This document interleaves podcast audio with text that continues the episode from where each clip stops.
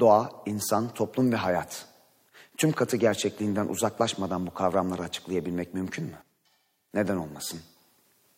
Tek çıkış noktan uzaklaşmadan bunu yapabilmek. Tabii sıkışmadan uzaklaşmayı becerebilirsen.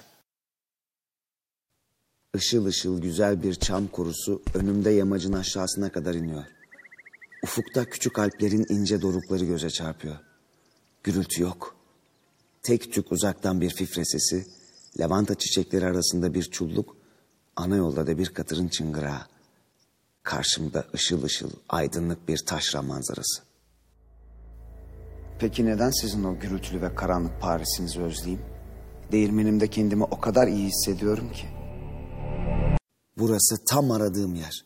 Bu mis kokulu ve sıcacık köşe gazetelerden, faytonlardan ve sisten bin fersah uzakta.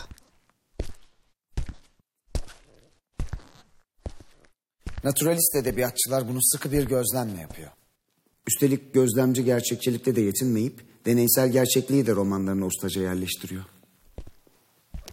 Toplum koca bir laboratuvar ve sadece pasif bir gözlemci olarak katı gerçekliğe ulaşmak elbette mümkün değil.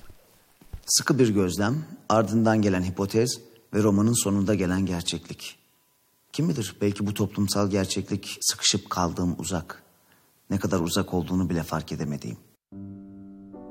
Gece yarısı rüzgar uzaklaşıp gitti ve her yanı sessizlik içinde bıraktı. Tozlu hava sesleri sisten çok boğuyordu. Köylüler rüzgarın durduğunu yataklarında işittiler. Saldırının durmasıyla uyandılar. Kıpırdamadan yattılar. Dikkatle sessizliği dinlediler. Horozlar öttü fakat hava horoz seslerini de boğdu. Köylüler yataklarında debeleniyorlar ve sabahın olmasını bekliyorlardı.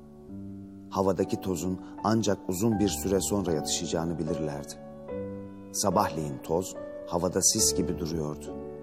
Güneş kan gibi kıpkırmızıydı. Benim uzaklığım belki de bedenime olan uzaklığımla başlıyor. Bugün naturalist edebiyatçıları okumak istemem de sanırım bundan kaynaklanıyor.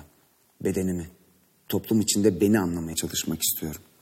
Ama öncelik beni bana uzaklaştıran bu mekanı tanımadan geçiyor.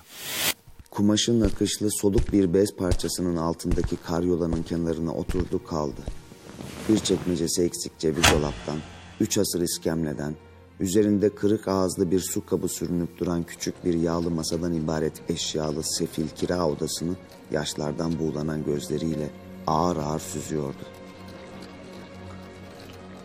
Şöminenin ortasında tek tek kalmış iki çinko şamdanın arasında bir demet soluk pembe renkte rehin evi alındısı vardı. Burası otelin birinci katında bulvara bakan en iyi odaydı. Sekiz yaşında olan Claude küçük ellerini yorgandan dışarı çıkarmış ağır ağır nefes alıyor. Daha dördünü süren Etienne bir kolunu erkek kardeşinin boynuna dolamış gülümsüyordu. Anaları yaş dolu gözlerini onlara çevirince bir hıçkırık tufanına daha tutuldu. Tutamadığı iniltileri bastırmak için mendilini ağzına tıkadı. Ve yere düşen terliklerini giymeyi akıl etmeden yalın ayak tekrar pencereye gelip abandı. Geceki gibi tekrar beklemeye, uzaktaki kaldırımları gözleriyle araştırmaya başladı. Uzağa sıkışmadan kendime, yaşadığım dünyaya bir yolculuk yapmak istedim. Uzaklığı bir durum yerine bir nesne olarak kabul ettiğim gün uzak benim için yakının ta kendisi olur. you